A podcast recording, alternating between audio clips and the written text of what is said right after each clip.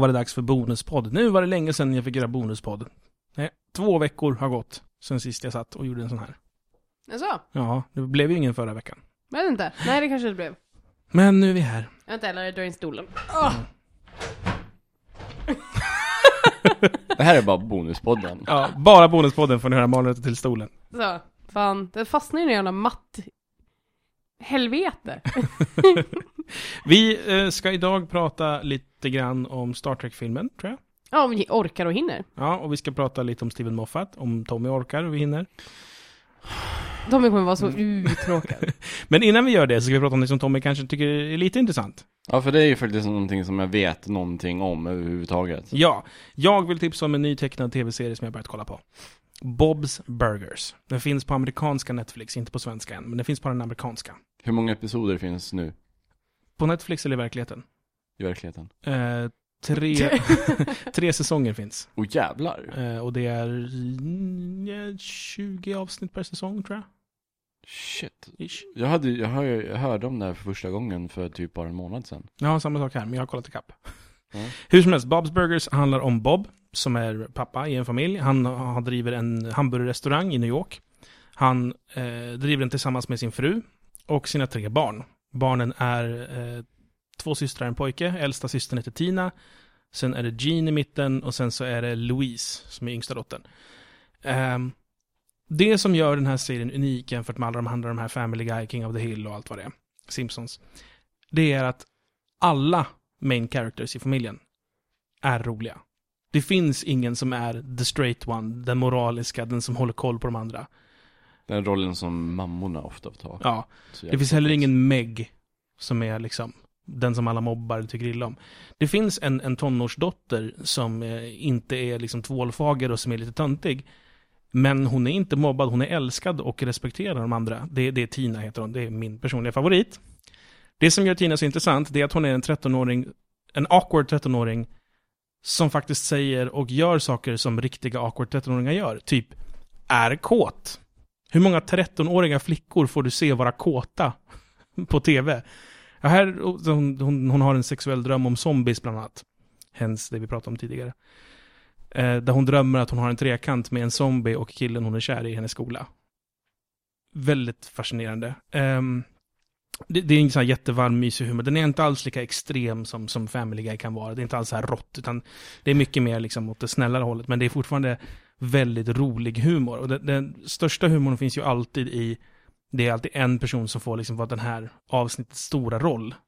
Ehm, och det kan vara vem som helst av dem, men det är alltid den som får då tappa det på något sätt. Hon drömmer om att ha sex med en zombie. Det är väldigt varm och snäll humor. Jo, det, men det blir det. Eh, det fanns ett avsnitt nyligen när eh, hon, äldsta dottern Tina, ska få gå på konsert med ett pojkband som heter Boys for Now. Och hon tvingar med sig yngsta dottern som är helt ointresserad av pojkar. Tycker pojkar är äckliga. Eh, pojkbaciller och allt vad det är. Eh, och där får den yngsta dottern sin första crush när hon blir kär. Kort i den yngsta grabben i bandet. Eh, och hon har en så här lång monolog om hur hemskt det är att vara kär i någon som hon absolut inte kommer kunna liksom få tillbaka. Och hon frågar då Tina, hur orkar du? Hur orkar du ha crushes när du vet vad som händer? Och det blev så här plötsligt jättemycket allvar och den här karaktären som man skrattar åt för att hon är kär i alla pojkar hela tiden och är kåt på alla pojkar hela tiden. Hon får så här plötsligt jättemycket djup. Och bara så här, ja det gör ont. Men man skrapar av sig och så kommer man tillbaks. Liksom. Det är jättefint, ni måste verkligen se den här serien, den är skitbra. Och pojken, Eugene, så tror jag tror han heter. Han är så jävla bra, för han är inte könad på något sätt. Det är inte de andra heller så mycket, eller jo, okej, Tina är. Men eh, han bara är. Eh, och de har inte gjort någon grej att här, kolla vi har gjort en queer-pojke, utan han bryr sig liksom inte. Som så här, eh, han vill bli musikartist. Och så var det något tillfälle de behövde musikartist, och de behövde egentligen en tjej. Han bara, "Ah, fan jag kan ta på mig en klänning. För honom spelar inte det någon roll, för han vill ju bara sjunga. Det var jättefint. Eh, finast är när de tycker inte om att gå på gymclass i skolan. Så de kommer på att så här, "Ja, men vi kan lura i våran korkade eh, tränare att vi, vi gör någonting annat där. Som också, om vi gör synchronized swimming. Och sen så börjar de göra det på riktigt. Och för att matcha de andra så vill ta han på sin baddräkt då. För att det ser ju bättre ut. Eftersom alla andra har baddräkt. För det är bara Ja. tjejer. Det ska vara symmetriskt och fint. Ja. Och sen så kommer hans pappa in med badbyxor. Och då börjar han peka och skratta bara You look so stupid wearing that! det är jättefint. Ah, ni måste se den här. Bob's Burgers. Finns på amerikanska Netflix och på Pirate Bay om man så vill. Skitbra! Titta, för guds skull. Ja, det verkar faktiskt lovande. Jag, jag gillar ju eh, King of the Hill. Mm, det är ganska likt King of the Hill, fast det är mer hjärta. Jag har Mm. aldrig orkat King of the Hill. Det var verkligen en sån här serie som jag tyckte var, bara var plågsam. De är så sköna. Propane. Jag tyckte Mm. de var lite långsamma. Ja, det var men det är det jag gillar, för jag är lite långsam. Jag tycker den var, jag tyckte den var för långsam. Jag- jag- jag- du bara, jag- du, jag tycker den gick för fort. jag, jag blir lite stressad av så här Family Guy och sådär. När, det, man ska kliva bort till någonting helt irrelevant var 30 sekund. Ja. Det finns en sån regel. Jag, jag orkar inte för mycket Family Guy. Men länge sedan jag såg Family Guy nu. Ja. Nej, man har, Man man, har växt ifrån Ja. Family Guy. Det var jättekul när man var typ Säsong 2 och 3 var jättebra, liksom när, när de hade förfinat konceptet men det fortfarande hade någon form av relevans för storyn. Nu är det ju bara random. Ja, framförallt det är inte roligt längre. Nej. Det, det är så här, ja, jo, vi har sett det här skämtet. Det var jättekul de första gångerna. Nu har de ju dessutom börjat göra skämt på sina egna skämt som de hade i andra säsonger. Typ konstant när folk ramlar omkull och slår i knät och de här jättelånga fighting-sekvenserna med kycklingen och Mm. liksom. Mm, ja det är precis, precis sånt som de jättelånga utdragna sekvenserna som när eh, Peter ska skrapa upp en groda över fönsterkarmen liksom. Ja. Sådana saker. Den orkar tyckte jag ju i och för sig var rolig, för den var rolig i kontexten. Men Den var kul första gången. Ja, men det var typ, det var det. Det är samma sak första gången han ramlar omkull och slår i knät, det var också kul. Sen gör han det igen när han får the golden, eller, och sen så gör han, ja, han gör det en gång till. Sen gör Lois det en gång, sen gör Lois det en gång till där hon slår i boben istället för knät. Just det. Och sen gör Joe det en gång, nej, någon gång när det är så här A-team-grejen så är det också någon som ramlar och gör det där skämtet är redan gjort. Samma sak, Stewies, we really don't have a clip of that? Skämt liksom, det är, Mm. it's done. Ja, ni gör mycket cutaways, sluta referera. Never mind. Bob's Burgers. Dog Burgers, blablabla. Jag rekommenderar det jätte, jätte varmt. Det, det och Adventure Time är de två bästa tecknade sakerna jag eh, överhuvudtaget ser nu för tiden.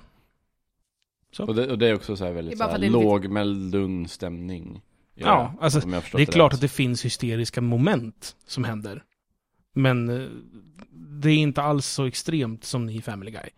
Är det lite mer tempo än i, i, i eh, King of the Hill? Ja, det är det.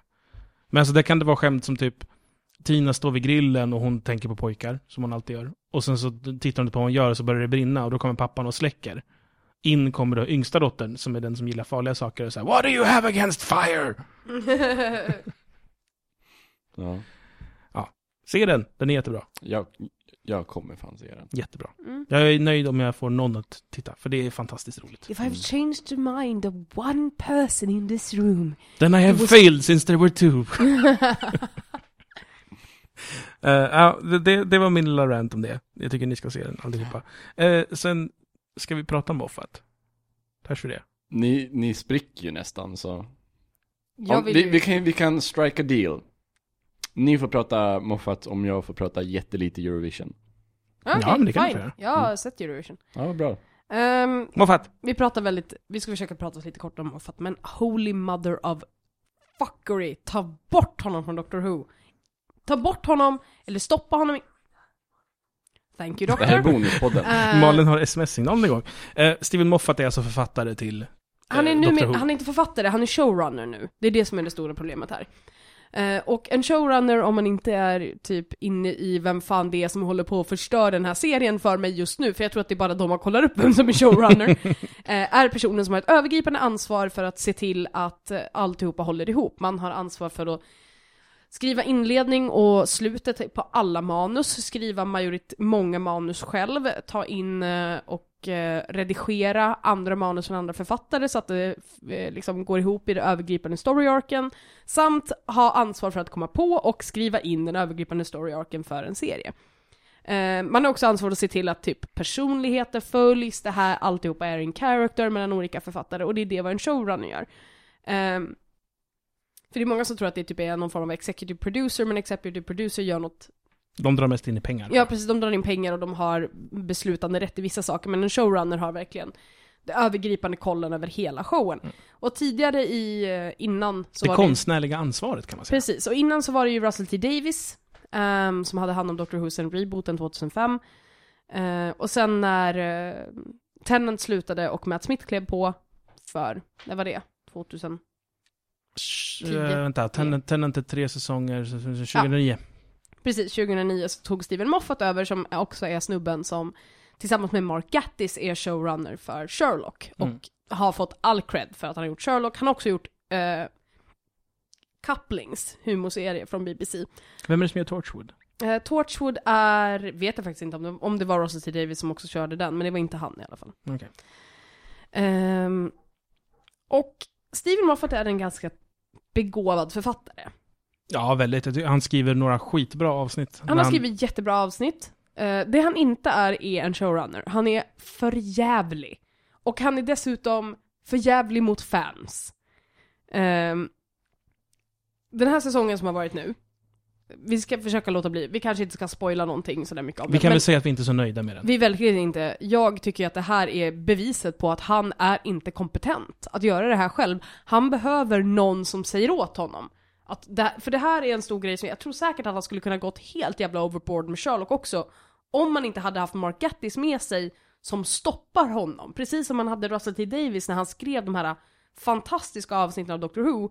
Så hade han Russell T Davis som satte lock på den där grytan av crazy. Mm. Som han ändå är. Och det är såhär, ah vi måste ha in 18 explosioner. Någon måste säga nej. Mm. Det, Det, behöver du inte. det räcker med två. Det räcker med två. Vi har dessutom inte budget för det, så vi har bara budget för en. så...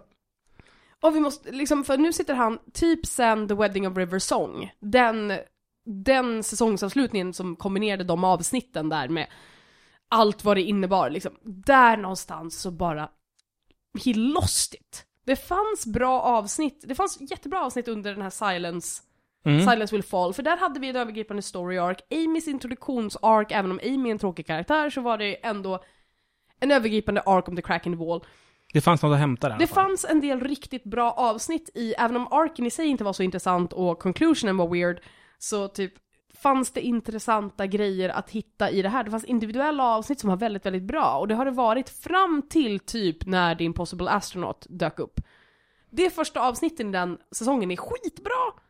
Och sen så bara, jag kommer inte ens ihåg vilka avsnitt som är vilka, för det är ett sånt jävla virvar av alla askonstiga grejer som händer. Jag tycker han, han gör så mycket konstiga saker med karaktärer. Alltså, vi har ju pratat Han om... gör ingenting med dem, det är det som är problemet här. Ja, eller så förvanskar han dem så att det de en gång tiden hade i alla fall försvinner. Mm. River Song är ju helt ointressant Det nu. kan vara det som gjorde för mig också att jag hatar honom så mycket, för när han introducerade henne som en karaktär, det är ju ändå hans originalkaraktär. Mm. Men jag läste en artikel som visar att alla karaktärer som Steven Moffat någonsin skrivit som är kvinnor, ehm, allt de gör är att gifter sig. Och sen är det the happy ending för kvinnorna. Oavsett vad de har haft för character arc innan så är det gifta sig som är Det är den där, stora grejen. därför hon inte syns längre överhuvudtaget. Mm, men det händer ju även, gifta sig och skaffa barn. Ja, just det. Ehm, för att i Silence in the Library, spoiler för slutet på Silence in the Library, ehm, eller ja, den, de två dubbla avsnitten där, det slut, sista avsnittet heter ju något annat.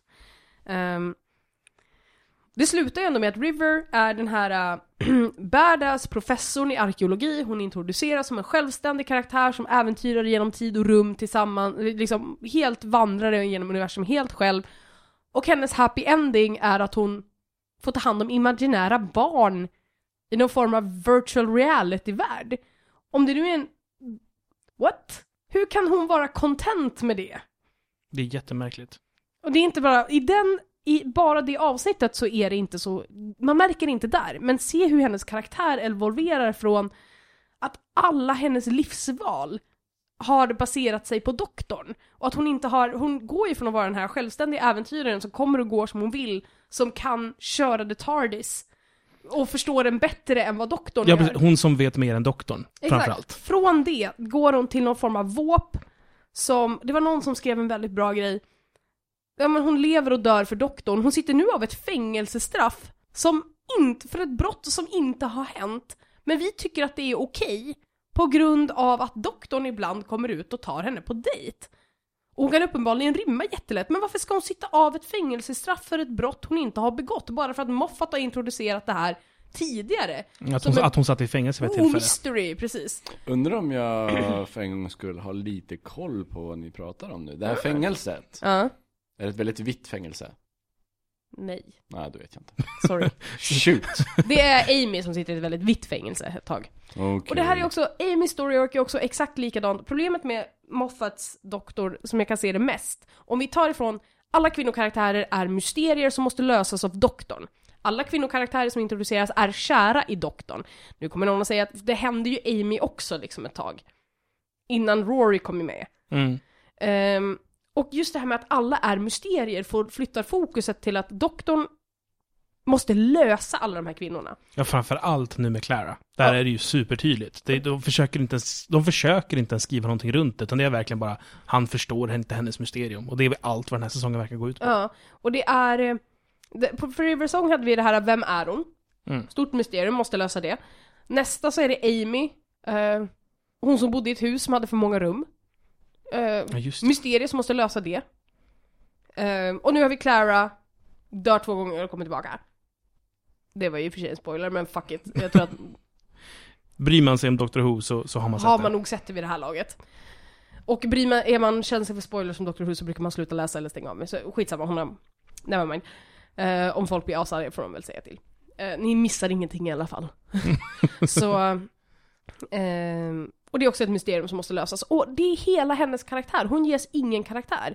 Förutom att hon är ett mysterium. Har du sett He said, she said, kortisen som Moffat har skrivit som ligger på BBCs YouTube? Den som, där hon är modell och han... Där, där de, de bråkar? Nej okej, då har jag inte sett den. Eller bråkar och bråkar. De går... Clara pratar om doktorn och doktorn pratar om Clara. Okej, nej men då, det är inte den. Den har inte jag sett. Nej, för där går de och säger, och Clara går och pratar om doktorn och han är så underbar, bla bla bla bla bla, men man blir så van vid att inte fråga. Man vänjer sig så fort. Vem är du? Var kommer du ifrån? Vad heter du? Vad, vad har du gjort? Vart har du varit? Man ställer inte frågorna längre, men bara följer med. Och sen så har doktorn sin version, som är så här. Äh, när han går och pratar om Clara och säger att Clara, precis vad jag behöver, den perfekta personen, smart, eh, snabbtänkt, resourceful. Perfect. Too perfect. Jag bara, vart i den här säsongen är det etablerat att han skulle tycka att hon är den perfekta kompanjonen? När hände det? Mm. För att jag har inte sett det här etableras någonstans. Det enda jag har sett är att jag tycker att det verkar som att doktorn inte gillar Clara egentligen. Han uppskattar att hon är clever. Men det är hon ju inte. Det är bara... Äh, hon, hon var clever när hon introducerades, det här första Dalek-avsnittet. Det första Dalek-avsnittet är det enda där hon faktiskt hade någon form av att hon gjorde någonting själv. Sen efter det så har det bara varit att hon har fått throwaway lines, hon är fan inte resourceful. Nej. Det är Neil Gaiman-avsnittet nu, det är det första gången hon faktiskt har gjort någonting. Och även då så blir hon ju först beordrad av doktorn att göra det, och sen gör hon precis det hon, han har sagt. Vilket var Neil Gaiman-avsnittet? Uh, Cybermen. Ja, just det, det såg jag, men jag minns typ ingenting av det. Nej, det är det med barnen i. Ja, det förklarar för jag inte... Mm. Och det är Neil Gaiman! Det var ganska, så här, det finns Neil Ga- det finns bra grejer här. Men det, det tas inte re- reda på på grund av att Moffat är så jävla hög på sig själv. Och när folk ber honom förklara grejer, typ det här slutet med The Ponds. Han nedlät sig ju att förklara varför doktorn inte kunde komma tillbaka eh, till New York och hämta dem. Det var typ så att det, det var så specifikt att New York är timelocked. Okej, varför åker de inte till Washington DC? Åk och plocka upp dem i Washington DC Ja. ett år senare. Det är inte... Åk till... Åk fram, fem år fram i tiden, eller åk till samma tidsålder, be någon ta ett brev med dig till New York eftersom att du inte kan ta dig dit. Åk till, liksom, tillbaka till Ja, precis, det finns ju platser runt omkring han kan Exakt, ta det sig till. finns andra ställen du kan ta dig till, liksom där du kan möta dem. För att det var så himla specifikt och folk blev jätteförvirrade. Um, och han nedlät sig att på ett väldigt otrevligt sätt förklara det här för en bloggare som hade träffat honom och intervjuat honom. Och sagt att ja men det är för att hela New York nu är helt timelocked och det har blivit så infekterat på grund av alla paradoxer av att folk har skickats fram och tillbaka där så doktorn kan inte landa i New York och inte i den tidsåldern överhuvudtaget. Han kan inte hämta hem dem. Men det kan man inte säga på BBC One. Försök förklara det för en vanlig TV-publik. Jag bara... Och rightly så var det de som skrev den här artikeln som skrev om du inte kan förklara det på BBC One, skriv om manuset för att det här sänds på BBC One. Mm, precis. Då har du inte skrivit en bra förklaring. Och han är så jävla hög på sig själv och sina egna idéer nu. Han, har, han tror så mycket på sin egen hype. Så Jag, jag stämmer också på så, jag har accepterat Moffat fram till nyligen. Det, det har liksom varit sådär att, ja, jag har hållit med alla klagomål, men det varit så här, men det är fortfarande underhållande att Det är se på alla fortfarande fall. kul och det finns fortfarande saker som är bra i den här. Fast jag tycker inte jag har fått det den här säsongen. Nej, inte den här säsongen. Jag tycker den här säsongen har inte ett enda avsnitt varit Första såhär wow. avsnittet var bra. För Vilket där, var det? eh, det var ju det när de åker motorcykel upp för en Ja, just det. Ja, det var, det, var, det var ett ganska bra avsnitt. Men det var ett bra avsnitt om man introducerade liksom den här övergripande idén om att det kanske finns någon bad guy som återkommer, som också var samma bad guy som i eh, The Snowman. Ja, just det. Mm. Eh, och att det kanske finns någon övergripande story här, här har vi introducerat någonting som kommer att gå igenom, man börjar hinta åt att det kommer att hända någonting. Det ska också tilläggas att varken jag eller Malin har sett då säsongsfinalen. Nej, vi har som- inte sett den än. Inte jag heller. Idag tror jag, eller igår sänds Ja, eh, igår. Det. Bra Tommy. Men... eh, Och sen så bara släpper man det. Och det fanns liksom en intressant... Clara fick ganska mycket utrymme att vara en person, och sen bara släpper man det.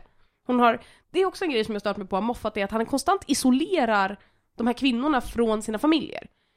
Vi håller på att se om säsong fyra Mm. eh, med Donna nu. Och nu ser jag det avsnittet som är eh, sa- eh, bla bla bla Army, vad fan heter de för någonting? De potatishuvudsnubbarna. Ja, de, Sontaran Army. ja, de är fina. Ja, The Sontaran Invasion. Det avsnittet, det är första avsnittet där, det är bara tre avsnitt in i Donnas, nej fyra avsnitt in i Donnas tidslinje med doktorn.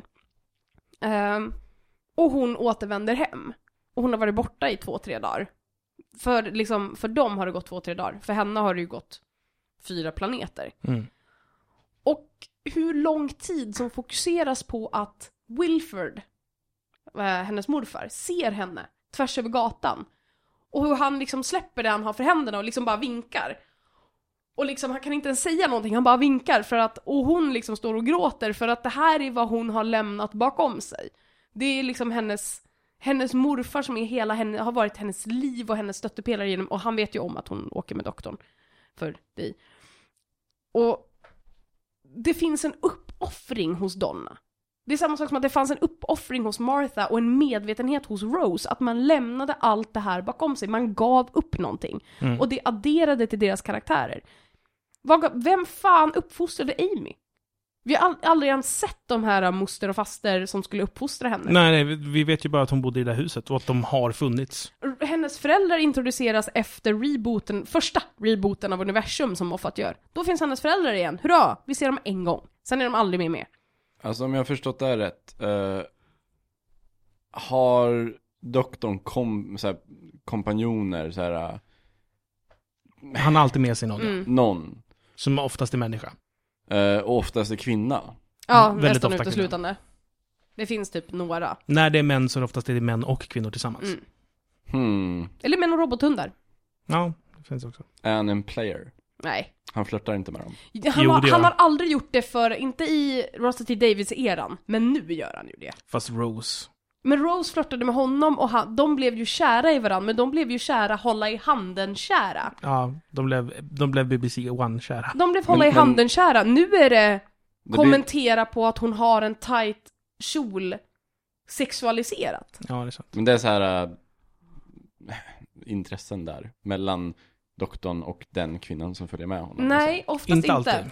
I, i Rose-eran fanns det en Lord of Speed, hon var ju fascinerad av honom och han, de två spirade, de två liksom grew together ganska Mm. naturligt. Men sen så kom, som en reaktion mot det då så fick du ju Donna som inte var ett dugg intresserad av doktorn. Nej, absolut inte. Hon är snarare tvärtom. Hon bara, jag har ingen som helst, jag vill bara liksom, Mm. Jag, jag vill bara se någonting. jag vill bara liv. komma ifrån saker och ting. Jag är inte, hon är inte intresserad alls. Och sen har du Martha som är superkär i doktorn och doktorn är Inte kär tillbaka. helt så oblivious till henne. Och vilket också bidrar till hennes character development när hon inser att det här är helt jävla fruitless samt vad fan håller jag på med? Jag har en egen karriär och ett eget liv. Man kan inte leva så här. Och sen så lämnade hon honom. Ja. Ehm, Efter det där livet honom. ja, men Amy har ingen familj. Hon har Rory. Det är i och för sig väldigt mycket till familj. Men det är mycket, men han är med i Tardisen. Hon ger inte upp honom. När hon ger upp honom har vi inte träffat honom som karaktär mer än supersnabbt. Mm. Det finns inget sacrifice för henne att lämna ett liv bakom sig för att resa med doktorn. Samma sak med Clara. Hon har hel- Hon tar hand om barn. Vilka är de? Vad har hon för ansvar mot dem? Vem är... Den här äh, snubben hon bor hos, som är deras farsa, vad har de för relation?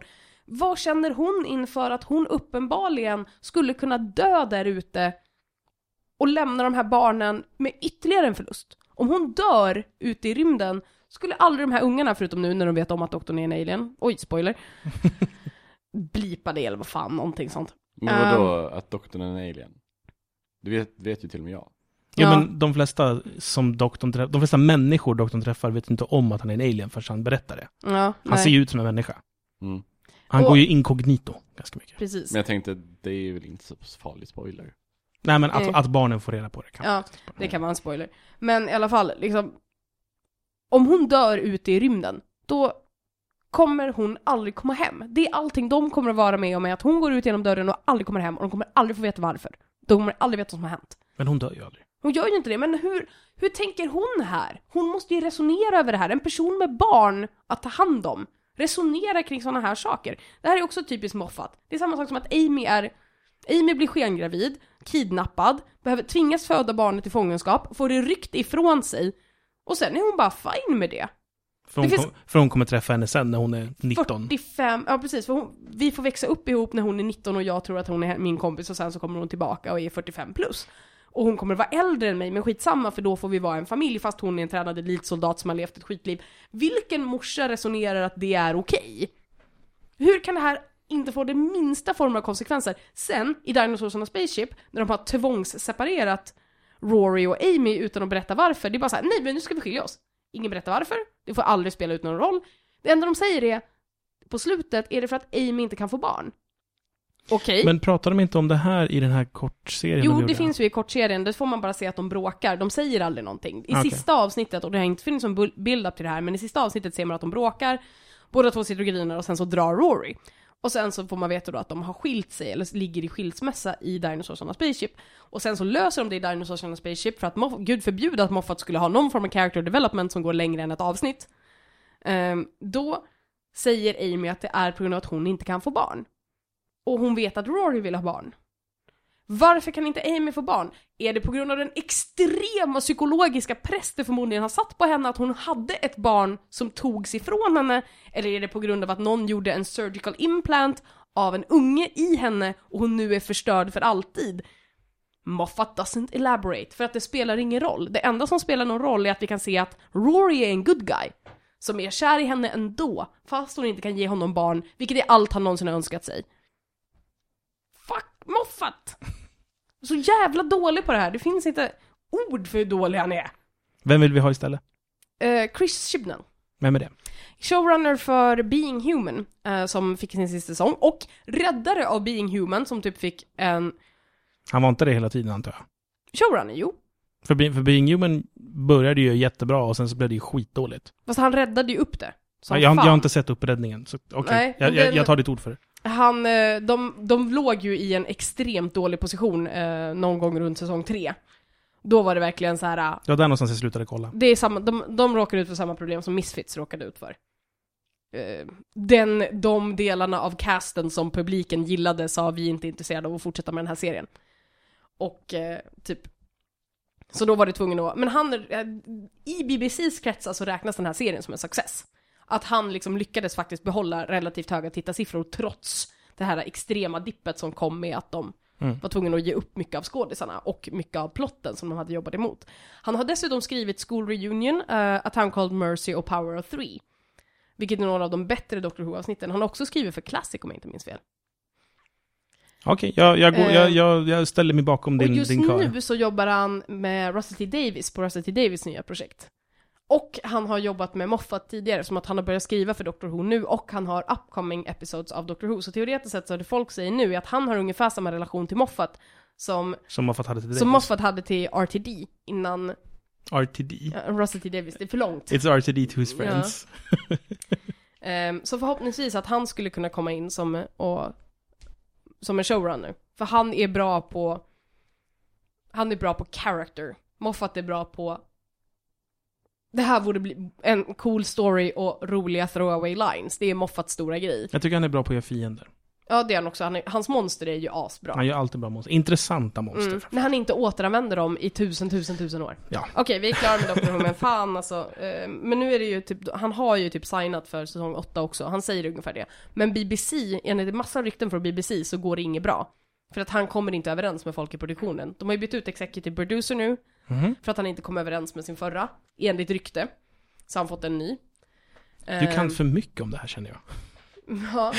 Ehm, sen så var det ju, det ryktades ju om innan det var bekräftat att, eh, nu kommer det spoilers för 50th anniversary.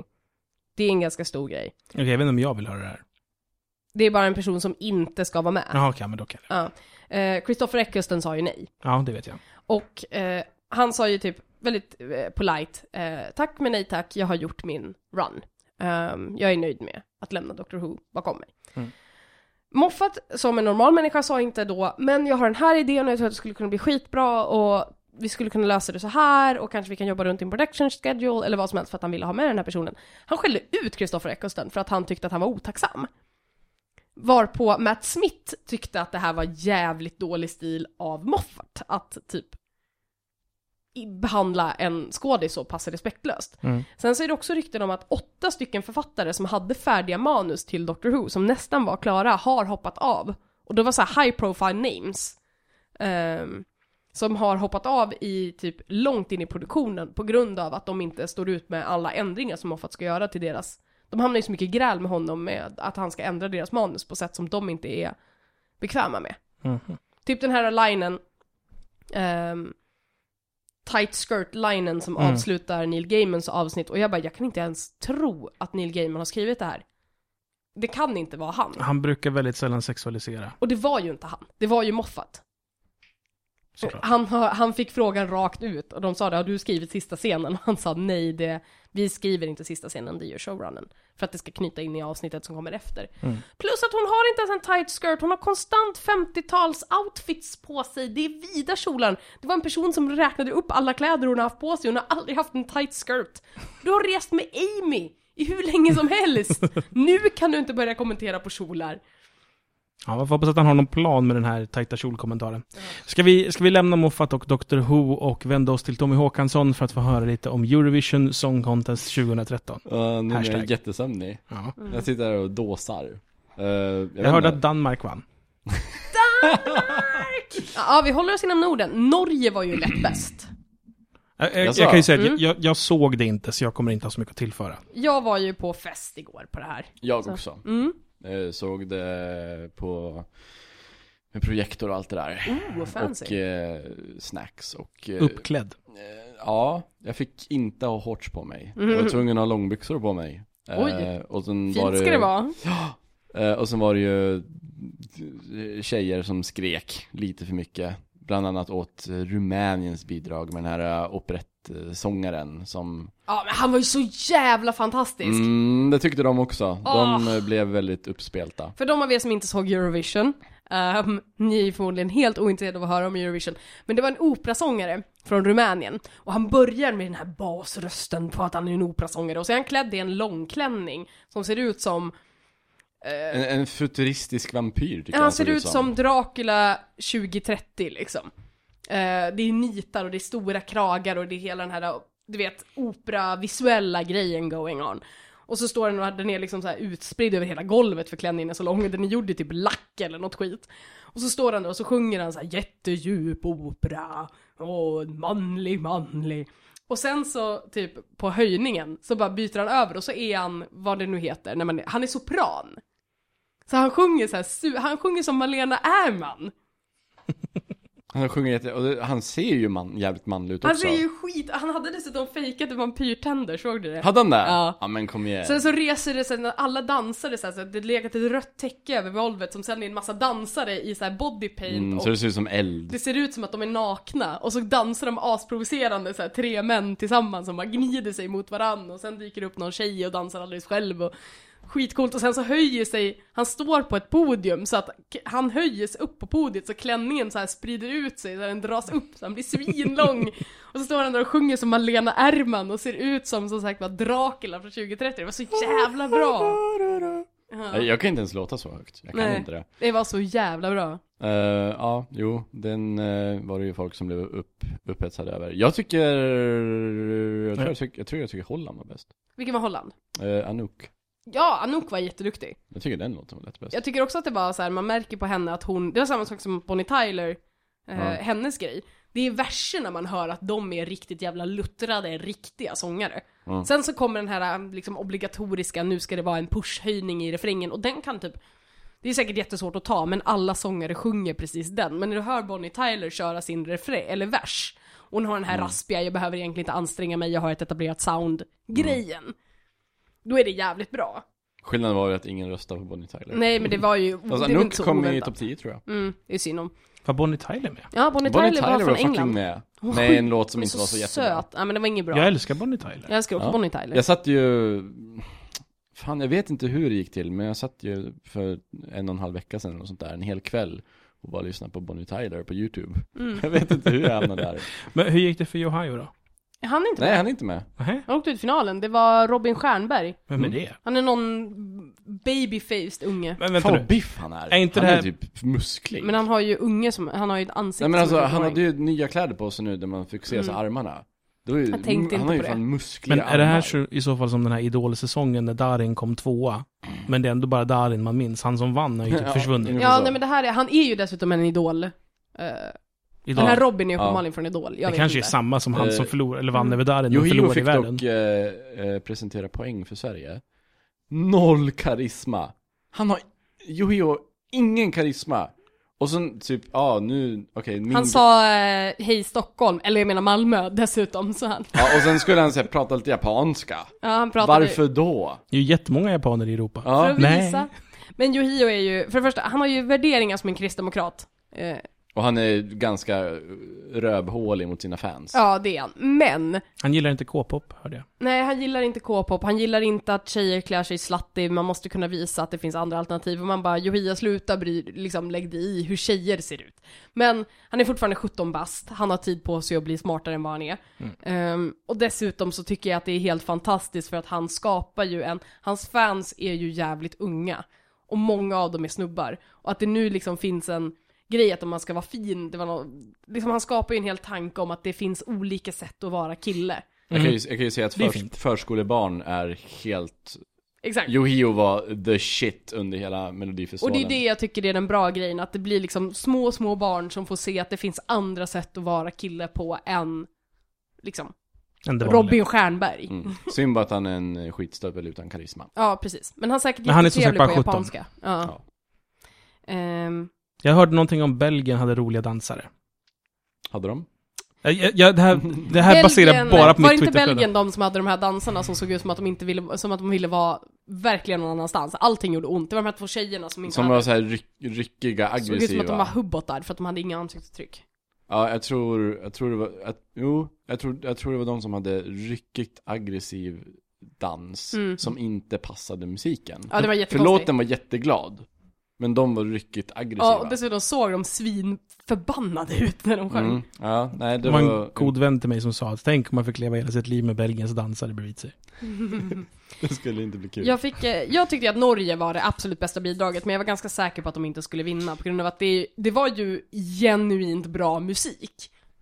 Eh, det Norges? Var, ja, Det, det var, jag tycker det var helt så här, genomgående var det eh, ovanligt hög standard på alla låtar. Precis, och men- jag tror det visades i röstningen sen, för att det var väldigt jämnt i röstningen. Mm. Det var ingen som, det var inte som förra året.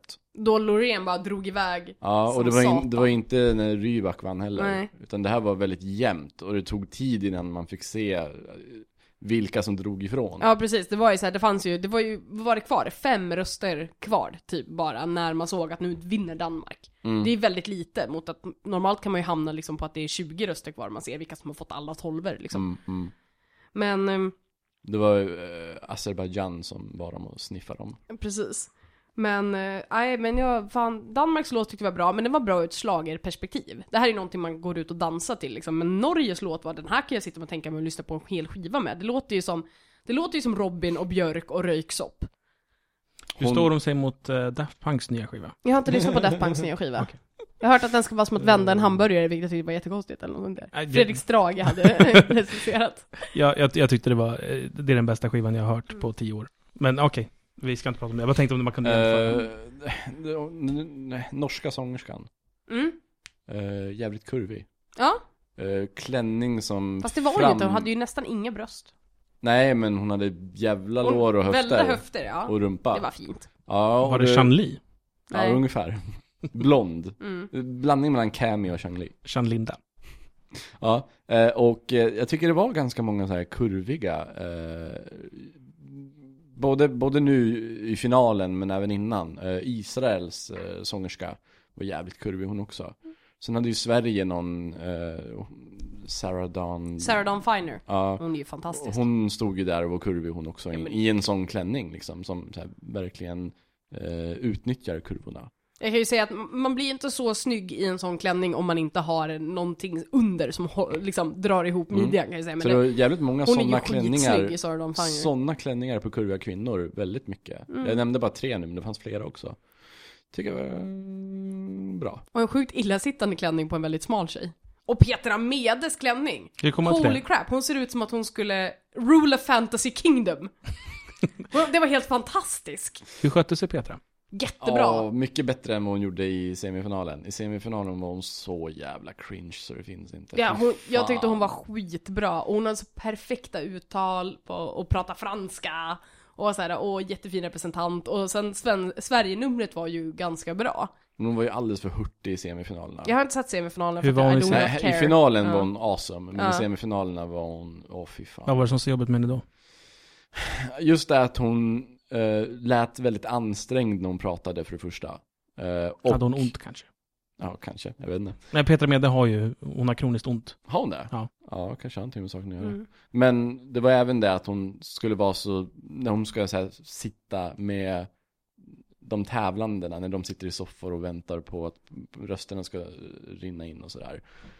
Så, så, så, så skulle hon vara så jävla rolig och hurtig och det var inte roligt. Och det blev Men bara ingen som ska vara pinsamt. rolig under Melodifestivalen är ju rolig. Den enda som har lyckats med det någon gång är Jonas Gardell och till och med han var ju lite jävla ansträngd. Mm. Och de, de delegerade ju det jobbet till Erik Sade nu i finalen. Erik Sade, vilket jävla stolpskott till människa. Åh gud, stack, ja, men det var ju synd. Jag bara, Ja, det var så här hashtag, direkt var det så här på, eh, så här, hashtag career suicide. Och hashtag håll käften. Ja, håll käften Sade trendade.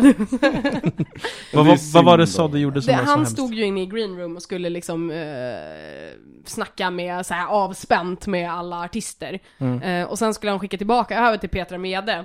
Och så han bara 'No back to you Petra Mede' hashtag milf.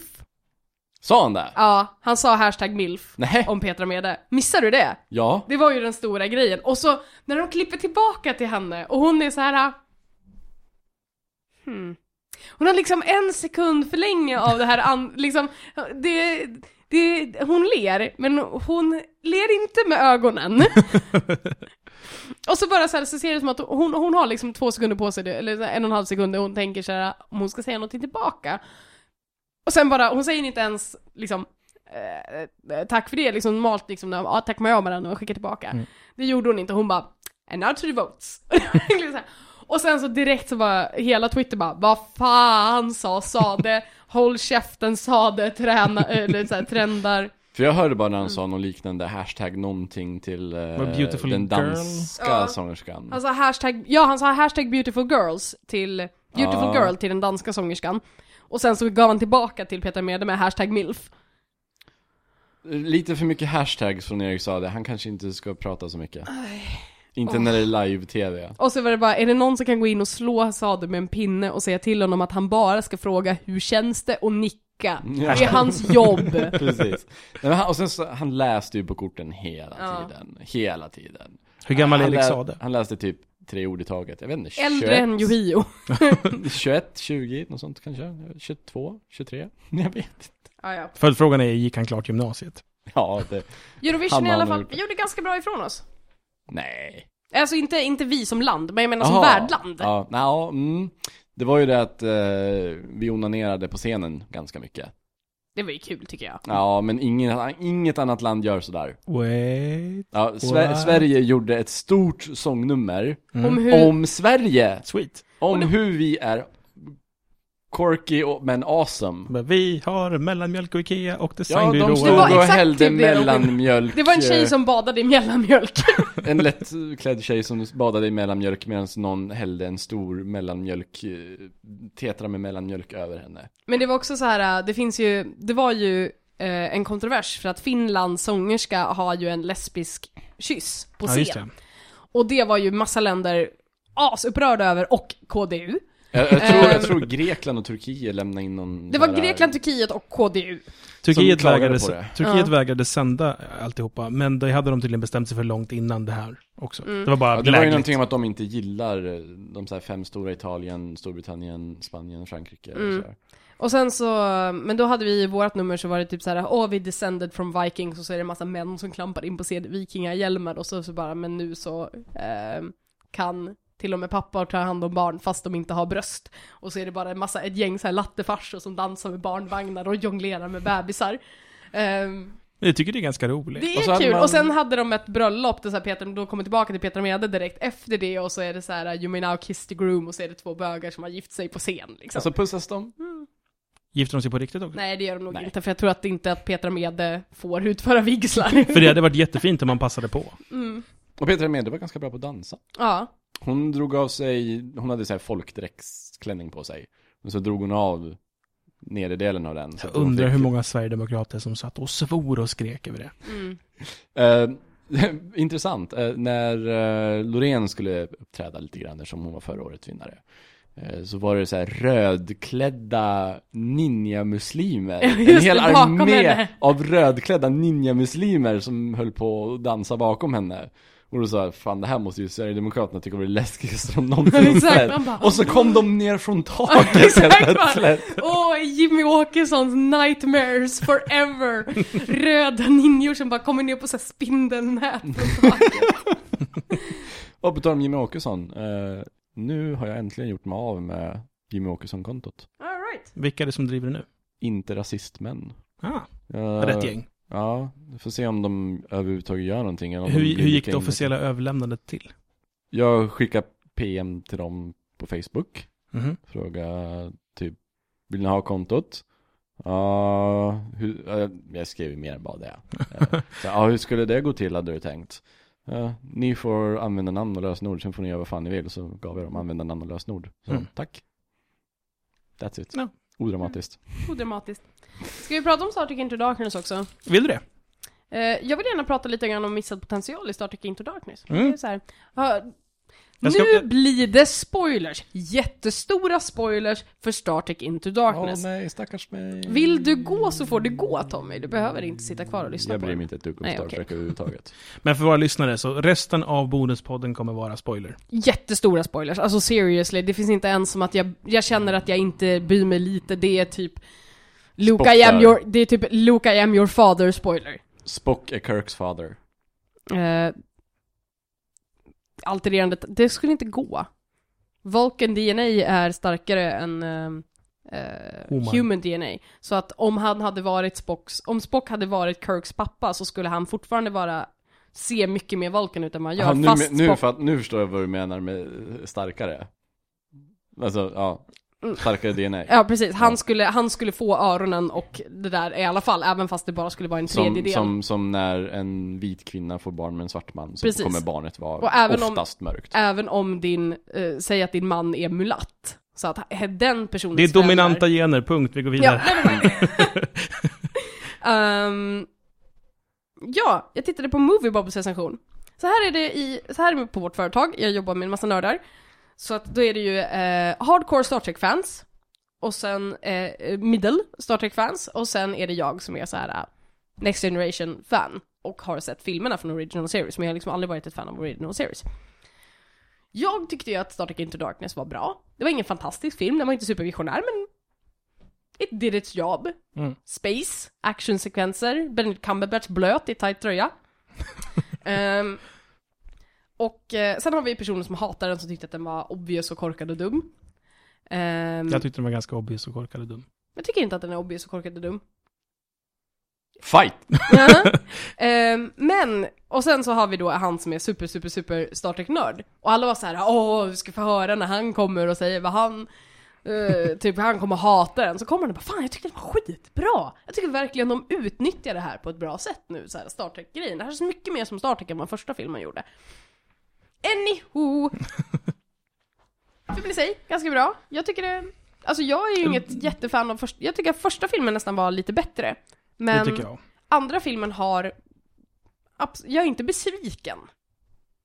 Nej, jag är inte heller besviken, men det har mest att göra med att jag inte hade jättemycket förutsättningar. Jag hade ju ganska mycket förutsättningar ändå, jag blir ganska hypad, men jag fick ju ändå ganska schysst koreograferade space battles, mycket Enterprise-porr, vilket jag alltid tycker är kul. Jag vill ju att det ska vara så mycket kameraglidningar över skeppet och så här att man får titta på engines och sådana saker. Jo, eh, alltså, som, ur, ur en popcorn-aspekt tycker jag filmen levererar fullständigt. Eh, den är spännande att se, det är väldigt kompetenta, bra skådisar som gör bra ifrån sig dessutom. Eh, det är actionfyllt, det är spännande hela tiden. Eh, och det är välgjort. Mm. Så, så ingenting att klaga på där. Eh, jag... Jag är någon slags mellanting. Jag har inte tittat på all Star Wars, men jag hänger med, eller Star Trek, förlåt. Men jag hänger med mycket i Star Trek. Jag kan en massa om Star Trek. Mycket för att jag har en sambo som är besatt av det.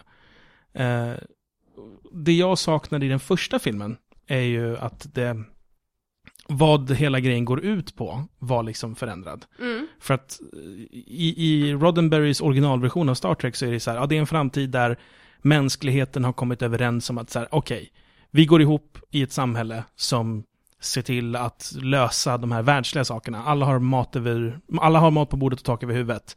Eh, ingen behöver oroa sig för det.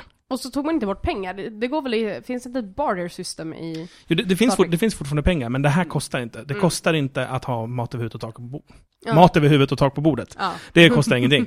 Det har man. Eh, och det man då gör gemensamt för att eh, liksom sträva framåt till att liksom hela tiden bli bättre, det är att man utforskar rymden. Mm. Du vet, five year mission to boldly go Japp. where no man has gone before. Jada, jada.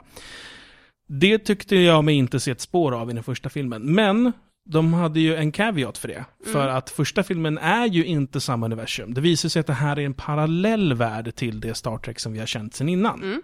Och det är till och med så att de känner till att det är en, alltså i serien Ja. så vet de om att det finns en annan version av oss Japp. som är på det här sättet. Jättefin lösning. Jag tycker jag också, jag tycker det var ganska elegant. Mm. Här tycker jag att man är för lik det gamla för att det ska hålla. Men man gör skillnader på de sakerna som bara blir irriterande. Hänger du med? Nej, det enda som jag tänker är störigt med den här versionen är ju det, den enorma cop-outen som händer i tredje varvet på slutet. När det är typ så här. Jag undrar om den här snubben är ond, jag ringer Renard Nimoy. Ja, det är en jättebra. Hej! Eh, mig från det parallella universumet. Är Khan ond? Ja, exakt. Kom, vad händer med Khan? Och så är han så här. Nej, ja, är det ska Khan med? Ja. I den här filmen? Ja, det är det han Nej! Benedict Cumberbatch spelar. Nej! Jo. Skriks det något? Ja. Ja. Åh! Det är, det är, vad heter den, Zachary Quinto som får Khan! Nej, vad härligt! Vilket var jätteansträngt. Jag tycker, se, tre, Den ska vara Precis. ansträngd. Men jag, jag var inte beredd på att han skulle vara Khan. Jag visste att han var en Khan-inspirerad karaktär. Men de har sagt så många gånger att han är inte Khan. De har fejkat promotion-grejer för att försöka bygga upp en karaktär han inte är. De har filmat fejkade trailers. Och jag antar att läser man in så här så är man ganska så här: okej men de är förmodligen Khan. Men jag tänkte att det här är för stort, de kommer inte att ta, ta i det här. Sen är han Khan! Kul! Jag, jag, Jag, hade, var inte beredd. jag var superberedd på det, jag hade inte någon minsta tvivel. Jag, Men det här var också kul, för Ja. att jag tänkte att det här är säkert bara för att jag är så himla låg, eh, låg, eh, lågt intresse av original series. ja, kanske. Men sen så är det min eh, kollega på jobbet som är as inne i Star Trek. Han bara Didn't see it coming! Blev genuint överraskad. Jag, jag trodde det var en sån sak som alla visste, så jag var såhär, när du sa såhär, oh, spoilers, jag bara, vad, vad kan det vara? Så jag sa, vet inte alla om att Khan är nej, Khan? nej! Va? De har tagit jättemycket, under produktionen har de tagit jättemycket steps för att just säga tvärtom. Ja, hur som helst, det kan. Och han har legat under fejkat namn också på IMDB, men nu är det något douche som har gått dit och ändrat det. Ja, men han, han har ju två namn. Han heter ju John någonting Nej, också. när jag kollade sist så stod det bara Khan. Ja, men, men alltså, Ja, men innan. alltså, Han har ju Cumberbatch legat roll har ja, ju precis. två namn. Han har ju legat som ett annat namn tidigare. Och nu har någon gått och bytt till Khan. Hur som i alla fall. Eh, det jag tyckte var problematiskt, det, det är eh, vem som är bad guyen fluktuerar lite för mycket för att det ska liksom vara välgjort. Tycker jag. Det, det blir jobbigt när slutet känns som mitten. Det var det här jag precis, ehm, det var egentligen det som jag ville ta upp och prata om i det här med, för jag såg Moviebobs recension och han är asförbannad över att Benedict Cumberbatch karaktär går från mytomspunnen terroristledare som är uppenbarligen en terroristledare till någon form av antihjälte som har egna motiv till att vara uh, the ultimate bad guy med uh, horrible evil agenda. Och att det inte, liksom, att han sög genom hela filmen på grund av det här uh, hoppa fram och tillbaka, att han inte hade någon ordentlig karaktär. Men egentligen så känns det, jag hade den, jag hade den reflektionen att det egentligen är cop-outen på slutet som är problemet här. Det som skulle ha Khan hade kunnat vara den här karaktären som var en terroristledare, en antihjälte som hade en sympatisk anledning till att gå bananas. Så som original Khan. Som original Khan har ändå. Han har ju en ganska bra anledning till varför he turns evil. Och det har han ju även här. Det blir ju etablerat att han har ju uppenbarligen utnyttjats av Starfleet i, vi vet inte hur länge, med hela Ja, tiden the threat av att alla han bryr sig om kommer att dö om inte du gör som vi säger. Och inte bara det, före det, innan de var inspärrade eh, och hemliga, så har de ju också avlats fram och gen genetiskt modifierats för att utnyttjas. Precis. Och sen när de har ju lyckats med det som de liksom skulle ha lyckats med, då var de bara en belastning. Då skulle man bara göra sig av med dem. Och Exakt. där var det ju ett inbördeskrig som inte vi får reda på i filmen. Och teoretiskt sett så är det här samma story som eh, Quarians mot eh, Geth. Ja, Man skapar en, eh, en ras som... En tjänarras. En tjänarras som till slut eh, blir för mäktig och då bestämmer man sig för att ha ihjäl dem och när de ska ha sig ihjäl så vänder de sig emot den för att det är logiskt, det är vad man gör. Mm. Och jag tycker inte att den storyn behövdes. Det, den lilla, lilla eh, 15 minutaren där de visar att det här faktiskt, han har en bakgrund som är ganska sympatisk. Skulle ha behövts. Och ett slut det skulle bli så mycket mer intressant om du har den här face-offen mellan hans Super Enterprise, det onda Enterprise, man säger att den är ond för den är svart, och sen det vita lilla Enterprise. Och Khan är så här: okej, men jag har fått mina... ehm, man skickar tillbaka de här, eh, Mm. eh, Spock skickar tillbaka de här grejerna, han skickar tillbaka Kirk, och sen så är han inte haha nu ska jag springa allihopa för att ni gav mig precis det jag ville ha och sen ska jag gå och bara terrorisera världen. Utan han skulle ha haft den här You have been worthy opponents. Han har ju förlorat mot Zachary Quinto i en fight. Mm. Ehm, de har, det här är mitt sätt att säga att jag har någonting att säga om det här. Jag Ja. jag vill inte avbryta. eh, fight, han har förlorat ish.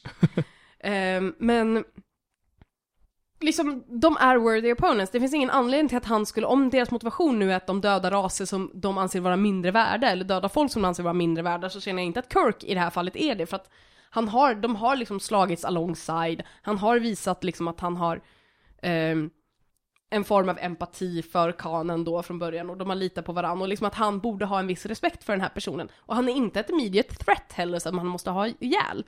Där skulle det varit en intressant grej bara att skicka tillbaka honom, han säger nu tar jag mitt superskepp och eh, mina supersoldater och beger mig ut i rymden. Eh, tack och hej, eh, ni har varit worthy opponents but don't cross me again. Eh, jag kommer att ha ihjäl er allihopa. Och att Kirk sen får ta beslutet, eller Spock, att det går inte för sig, vi måste ta dig in i custody. Du har Ehm, fortfarande begått brott. du har fortfarande liksom mördat hur mycket folk som helst. Ehm, och där har vi liksom, så att det blir Kirks grej, att han, det skulle vara character development för Kirk. Eh, han är så pass liksom lojal mot Starfleet att han går upp mot det här liksom hotet i alla fall, trots att han vet vad bakgrunden är och han får liksom ta det beslutet. Och samtidigt får vi en mer sympatisk eh, karaktär som faktiskt inte bara är ond for the sake of being evil, utan han är liksom ond av en anledning och har en agenda. Precis. Och han är för farlig för att släppa ut. Inte så att han liksom är så här, haha, nu måste vi slåss för att överleva, utan han är liksom för farlig för att ha lös i universum och därför måste Starfleet agera på det här. Ehm, Men det är också så här, han är ju, att han är farlig här ges en sämre motivation än i den i original. mm, För motivationen till varför han är farlig här, det är för att han tydligen, out of a blue, föraktar alla som inte är lika bra som han. men, och det får man ju inte egentligen så här någon beskrivning på heller, för att det är väl så här. Det, det är han generalen Ja. som säger att det är så. precis, för det första får du den infon från en snubbe som visar sig vara the bad guy. Jo, men, men, Men- det tragiska är att du får ju ingen annan motivering till varför han gör som han gör i slutet. Exakt. Förutom att han då kanske eventuellt har det här föraktet. Och i så fall, om det är det som har, liksom har varit det som driver honom framåt hela tiden, så, så ja, då, då, blir han, då, då blir han George Lucas-skriven. Exakt, det är det jag menar. Då har han bara The Empire. Varför är du ond? För att jag är ond. Då är han, då är han liksom the, the Mm. evil wizard som bara är evil för att han satte det framför och han har en svart kåpa. Och därför är han evil wizard. Ja. Det För, finns för, ingen annan agenda eller motivation. för i originalet så, så finns det ju en förklaring att man till slut så liksom slöt man ändå fred med de här genmodifierade människorna. Mm. Och så fick de en egen planet. Och så här, här får ni leva och froda. Eh, och nu är vi polare liksom. Och det var en ganska taskig planet om jag inte minns fel. Ja, det var en helt död planet där det inte gick att leva. Och så bara, men ni är ju smarta, ni fixar det här. Men de bara, but really, it's a fucking desert! Och då är liksom, d- att bli övergiven på det sättet var liksom det som sporrade Khan att bli Khan, att hämnas. Att så här, ni satte oss där för att dö. Ni skapade oss, ni kunde inte hantera oss och ni valde, om ni ska så mörda oss bara rakt upp och ner jävla ynkryggar, typ. Det var vad hans förakt gick ut på. Men nu fanns ju inte det. det fann, den här storyn är liksom, den vet jag för att jag kan det gamla, men jag vet inte om den gäller här. Det gör den inte, för att det, de säger, eftersom att om de aldrig säger det så kan vi räkna med att det gälls inte. Ja. Tills Eh, de säger det i alla fall. Precis. Och det är ju, det är en sån himla tråkig miss, för bara, de, bara, den, bara den lilla dialogen att man skulle våga göra Kirk till någonting mer än den genomgoda rebellen som följer sitt hjärta. Och liksom faktiskt ge honom att han har en lojalitet mot Starfleet. Där han faktiskt får ta beslutet att ni är för farliga för att leva. Och sen så har de ju fortfarande kvar de här äh, andra 72 egentligen och det är ju bomber ombord och vad fan händer egentligen med det? Och så skulle man gärna kunna skriva ut att de ringer till Ja, bara- parallella världar Spock, Spock för det är ju det är den lataste funkar den writing jag någonsin har sett. Men det, han är ju, han är ju, fort, han är ju ambassadör på New Vulcan, han är ju inte i den parallella det. universumet, han är ju i det här universumet, but still. Alltså att ringa och fråga sig själv från ett parallellt universum är lite douchey. Ehm, och det är liksom så himla lazy. Mm. Och det, det är bara den biten, det, det, det gick från att vara, det är fortfarande en helt okej jag tycker att det är en helt okej film, jag tycker att den är bra, jag blev förvånad över den här twisten som jag nu har spoilat om folk inte har sett den, så fine. Ehm, men det, det skulle kunna ha varit en gediget bra film med faktisk, nu är vi tillbaka på status quo när, när, vi, när alltihopa startar igen. Mm, ja, men nu är det trevligt popcorn. Exakt. Det hade kunnat varit någonting mycket mer. För när, man, när de startade liksom i, i slutet på se, eh, sista filmen, eller första filmen, då var det ju ändå att nu har Spock och Kirk kommit fram till att de kan jobba tillsammans, Kirk har lärt sig någonting om lojalitet för Starfleet och nu ska de liksom äventyra i rymden och everyone's better for it. I det här så är det bara, nu har vi gjort den här grejen och vi är tillbaka exakt där vi började. Mm. Ingen har lärt sig någonting, vi har inte kommit någonstans, allt är tillbaka på status quo. Kanske att eh, Spock har lärt sig att man kan lita på sin mage. Ja men det är ju typ det, men det är ju så här, även det är ju väldigt underplayed som en Ja, Motivation. Men, så här, I got a gut feeling att you... Jag- köper inte att man skulle ha en Starfleet Commander som är en sån loose cannon som Nej. bara I got a gut feeling about this. But, vet bara- du hur många liv du kontrollerar? Exakt, och det är You så här- don't get to have gut feelings, you get to have facts. Exakt. Vi säger bara, I have a good feeling about this. Oh really? Well then take one most expensive starship. It's super new and pretty, please don't crash it into distant planets. Och han bara, lol okej, krascha din planet. Är vi klara? Ja. Det är väl långt bonusavsnitt. Rekordlångt bonusavsnitt. Ja, jag tror det. Klippa upp det två. Nej. Nej. Ehm, för de som lyssnar på det här som inte lyssnar på skitsnack så kan jag passa på att tipsa om att i söndags så släpptes ett skitsnacksavsnitt där jag och Anders och eh, eventuellt tror jag Jakob Jickel Mikkelsson kommer med. Eh, där vi också pratar om Star Trek ännu mer, mycket mer ingående. Eh, det har ni kanske redan hört ifall ni lyssnar på dem i ordningen de kommer ut. Men om ni inte lyssnar på skitsnack och är mer intresserade av Star Trek så lyssna på det. Det var det jag skulle säga. Då är vi klara för idag. Jag glömde säga att Moffat alltid använder den här uh, big, uh, han, apropå cop- cop-out, att Ja. ingenting någonsin har några konsekvenser, att allting är bara reboot universum, woho, ingenting hände, ingen fick character development. Klar med det nu. Så då gör vi som Moffat och rebootar podden och så hörs vi om en vecka. Bye bye! it away.